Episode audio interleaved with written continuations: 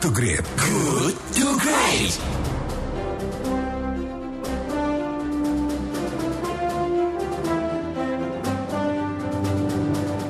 Satu Kelight FM Bandung Inspiring Sound Sahabat Kelight terima kasih Anda masih bersama kami di Good to Great Because good is the enemy of great Dan kita memasuki sesi diskusi Kelight FM Dan pagi ini kita akan membahas atau berbincang-bincang dengan topik menakar plus minus keputusan Amerika Serikat yang mengubah sepihak status Indonesia dari negara berkembang menjadi negara maju.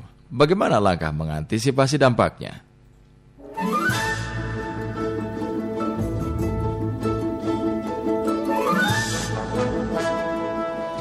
Indonesia menyandang status baru sebagai negara maju versi Amerika Serikat. Sebelumnya status Indonesia adalah negara berkembang. Indonesia tidak sendirian. Ada 127 negara lain yang statusnya sama dengan Indonesia, antara lain Cina, Thailand, Malaysia, Vietnam, Amerika, Afrika Selatan, Ethiopia, dan Zimbabwe. Indonesia tidak lagi disebut sebagai negara uh, berkembang per 10 Februari 2020. Nah, Amerika hanya mempertahankan 36 negara dalam kategori berkembang. Di sisi lain, Bank Dunia, Dana Moneter Internasional atau IMF, dan Organisasi Perdagangan Dunia, World Trade Organization, masih menempatkan Indonesia sebagai negara berkembang.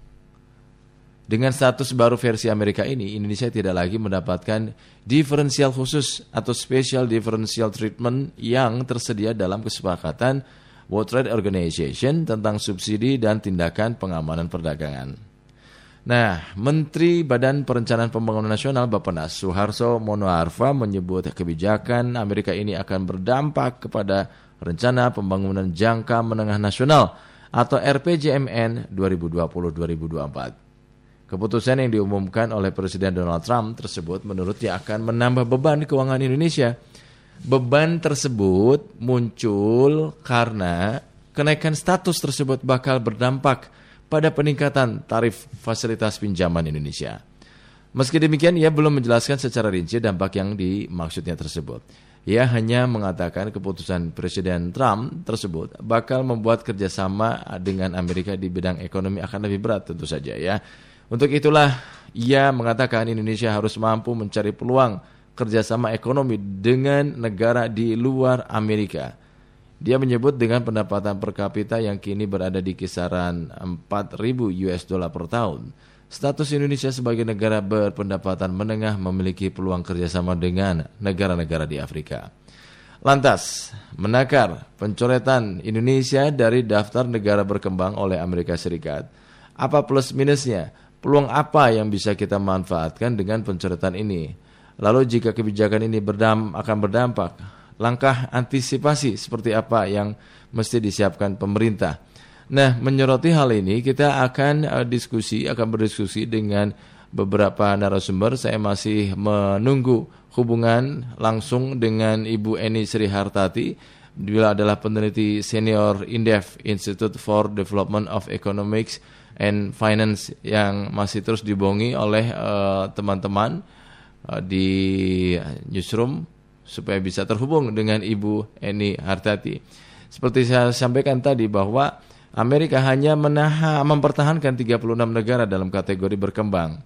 Tapi di sisi lain Bank Dunia, IMF, WTO masih menempatkan Indonesia sebagai negara berkembang.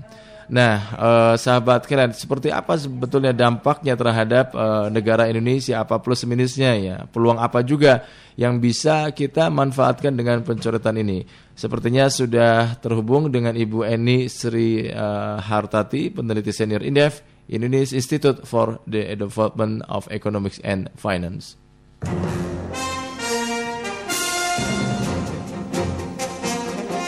Selamat pagi Ibu Eni pagi, Mas Isu. Apa kabar Ibu Eni?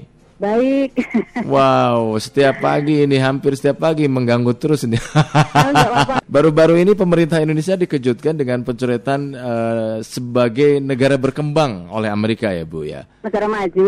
Uh, negara masuk negara maju. Yeah. Masuk dalam negara maju dicoret dari daftar negara berkembang. Ya. Nah, sebagian kalangan menilai ini kan bagian apakah ini bagian dari muslihat muslihat Amerika? Gimana tanggapan Anda? Apa yang terjadi di Pertama memang yang memberikan predikat itu hanya Amerika, bukan dunia. Iya, itu yang iya. harus di- dipahami. Ya. Nah, misalnya gini, Mas Izul, tiba-tiba saya bilang, Mas Izul sekarang ka- statusnya kaya raya. Mm-mm. Nah, kalau kaya raya beneran sih nggak apa-apa gitu. Iya, iya. Kalau ini alhamdulillah gitu Mm-mm. kan. Masalahnya kalau Mas Izul si eh, gajinya UMR ya bukan karena kalau pakai Mm-mm. nama lain nanti tersinggung. Jadi Iya, iya. contohnya Mas Izul aja. Iya nggak apa-apa Bu. Jadi kalau Mas Izul eh, harusnya dengan gaji yang masih UMR gitu kan, Mm-mm. maka sebenarnya masih berhak untuk mendapatkan subsidi KPR Betul. misalnya. Bahkan mungkin juga masih berhak juga untuk mendapatkan bansos misalnya. Iya. Tapi karena dapat sebutan dari orang eh, yang notabene misalnya berkuasa menentukan kebijakan, oh enggak, Mas Izul itu udah kaya raya sehingga kan eh, berbagai macam fasilitas tadi mungkin eh, bisa hilang Bisa atau hilang. minimal kalau sudah disebut kaya raya kalau ada kondangan sumbangannya kan juga kecil gitu. Iya, iya, iya, iya. Nah, ilustrasi sederhananya seperti itu. Eh, eh. Nah, se- sehingga sebenarnya bukan persoalan kita bangga tidak bangga gitu. Mm-mm. Tapi eh, apa setiap eh, kondisi suatu negara itu kan memang punya implikasi. Jadi kalau di dalam WTO, kalau Hmm. kita masih terkategori negara-negara berkembang gitu, Hmm. eh, selama ini kan yang masih berkembang kan termasuk Cina ya, walaupun size ekonominya besar, tapi memang eh, tingkat pengangguran dan tingkat kemiskinan juga masih besar. India juga demikian, size ekonomi juga besar India Iya, gitu. iya. Tapi kan belum negara maju, maka India masih boleh kasih subsidi untuk pertaniannya Mm-mm, gitu kan. mm-mm. Dan termasuk juga eh, di sektor-sektor yang untuk pemberdayaan orang miskin masih diperbolehkan Iya. oleh WTO karena eh, masih punya eh, tanggung jawab untuk pengentasan kemiskinan. Gitu. Kalau Bu Eni melihat ada apa di balik keputusan Amerika ini, Bu? sebenarnya ini kan usulan ya, usulan Amerika ke WTO untuk mencabut gitu kan, mencabut eh, status negara berkembang untuk Indonesia. Hmm. Ter- termasuk tidak hanya Indonesia kan, tidak Ya. termasuk India dan Betul. eh, Cina. Cina Nah, juga. itu adalah eh, beberapa negara yang mengal- Amerika mengalami tekanan defisit neraca perdagangan. Mhm. Apalagi dengan Cina gitu kan, dengan Iya. Cina luar biasa tekanan defisitnya gitu. Hmm. Nah kemarin dengan eh, memberikan retriksi, misalnya dengan dia masuk 45 persen, ternyata juga nggak begitu eh, ngefek secara ekstrem untuk Iya. eh, mengurangi tekanan defisit neraca perdagangan Amerika. Hmm. Indonesia memang tidak terlalu besar sebenarnya eh, nera- eh, apa ekspor atau impor kalau dari Amerika ya Iya. impor Amerika dari Indonesia nggak terlalu besar. Tetapi memang Amerika juga mengalami defisit neraca perdagangan dengan Indonesia. Maka eh, eh, untuk Amerika dari sisi ya kita eh, melihat dari sisi Amerika tentu mereka akan berupaya semaksimal mungkin celah-celah yang bisa digunakan sebagai instrumen me- menekan Eh. tekanan defisit neraca perdagangannya. Nah, kalau Indonesia sudah masuk misalnya menjadi negara maju, Hmm. maka beberapa tidak hanya GSP memang Iya. yang berpengaruh. Kalau di GSP saya nggak terlalu worry ya karena Hmm. selama ini ekspor Indonesia yang masuk ke Amerika juga tidak banyak yang memanfaatkan fasilitas GSP gitu. Betul, betul. Nah, tetapi terus kita nanti ditekan berbagai macam hal. Katakanlah kita akan memberikan subsidi untuk petani-petani kita sendiri aja nanti dibikin eh, apa comply ke WTO gitu. Itu Indonesia melanggar gitu kan. Hmm. Karena eh, masih memberikan subsidi atau memberikan in trade fair gitu kan Hmm. menggunakan instrumen-instrumen eh, yang tidak tidak diizinkan oleh WTO dan sebagainya gitu. Pasti Hmm. akan berimplikasi seperti itu. Tapi menurut saya ini lebih ke psikologi war gitu kan. Untuk tekanan psikologis Indonesia karena begini kalau langsung ya misalnya eh, komoditas ekspor Indonesia ke Amerika kalau misalnya eh, Amerika mencabut GSP yang merugi Amerika sendiri kok. Iya. nanti kan akan menyebabkan apa? High cost ekonomi karena kan ko- eh, yang kita ekspor kan masih komoditas. Komoditas. Kalaupun nggak komoditas paling ya barang setengah jadi. Kalaupun nggak eh, yang barang jadi pun pasti yang food waste industry gitu kan, Iya. hasil food waste industry. Amerika nggak nggak punya. Jadi kita benar-benar eh, tidak pernah menjadi pesaing dalam negerinya Amerika. Hmm. Nah, artinya besar kemungkinan memang benar beberapa kali kan pemerintah bilang eh, walaupun Amerika mencabut status Indonesia, mungkin fasilitas GSP-nya masih dapat karena itu untuk kepentingan Amerika bukan untuk Iya. kepentingan Indonesia Hmm, gitu kan. hmm, hmm. Nah sehingga menurut saya pemerintah yang paling utama itu punya mapping namanya, punya mapping dan punya benchmark database. Iya. Jadi dampak itu bisa kita ukur. Jadi kalau misalnya Amerika memba me- eh, mencabut fasilitas GSP, apa apa eh, implikasinya terhadap ekspor Indonesia?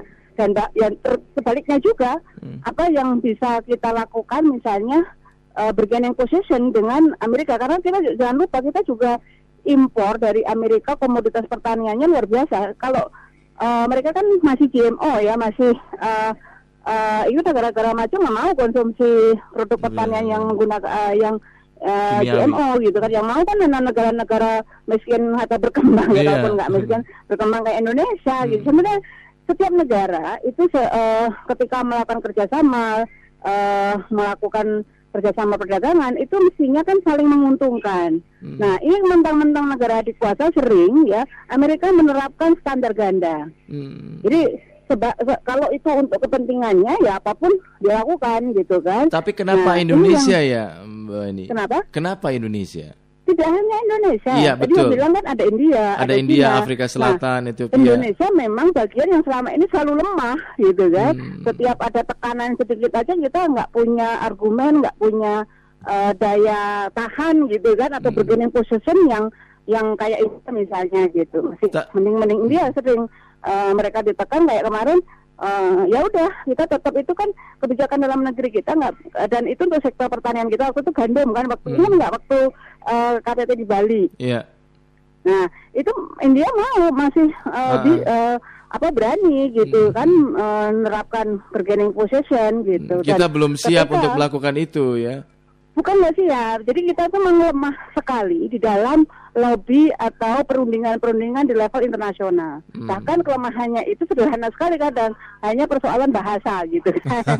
nah, sehingga sehingga ini yang yang eh, jangankan katakanlah tadi yang kita bilang kita harapkan pemerintah punya database yang lengkap sehingga mampu melakukan bargaining position yang optimal gitu. Kadang Uh-uh. bahkan tadi ya, hanya sekedar eh, kendala bahasa pun kita eh, sering kesulitan gitu. Uh-uh. Kalau kita kemarin waktu kita kalah di eh, WTO itu kan kebany- eh, apa namanya kalau kita lihat itu kan awannya yang eh, sederhana memang Iya. ada tumpang tindih kebijakan di dalam negeri gitu kan dan argumen-argumen yang kita sampaikan juga lemah sekali gitu Iya. loh. Tapi Bu Eni ya- terus kalau misalkan Amerika Serikat mengatakan me- mengeluarkan Indonesia dari negara yakin berkembang menjadi Indonesia dia tidak akan apa namanya serius sekali. Ah. Artinya benar-benar menghilangkan fasilitas SP dan sebagainya nggak mungkin karena eh, Indonesia ini bagaimanapun untuk beberapa terutama tadi ya komoditas pertanian Ah. ini masih menjadi pangsa ekspor yang cukup besar untuk Amerika. Ya, dengan Dan keinginan juga Amerika status baru butuh- ini,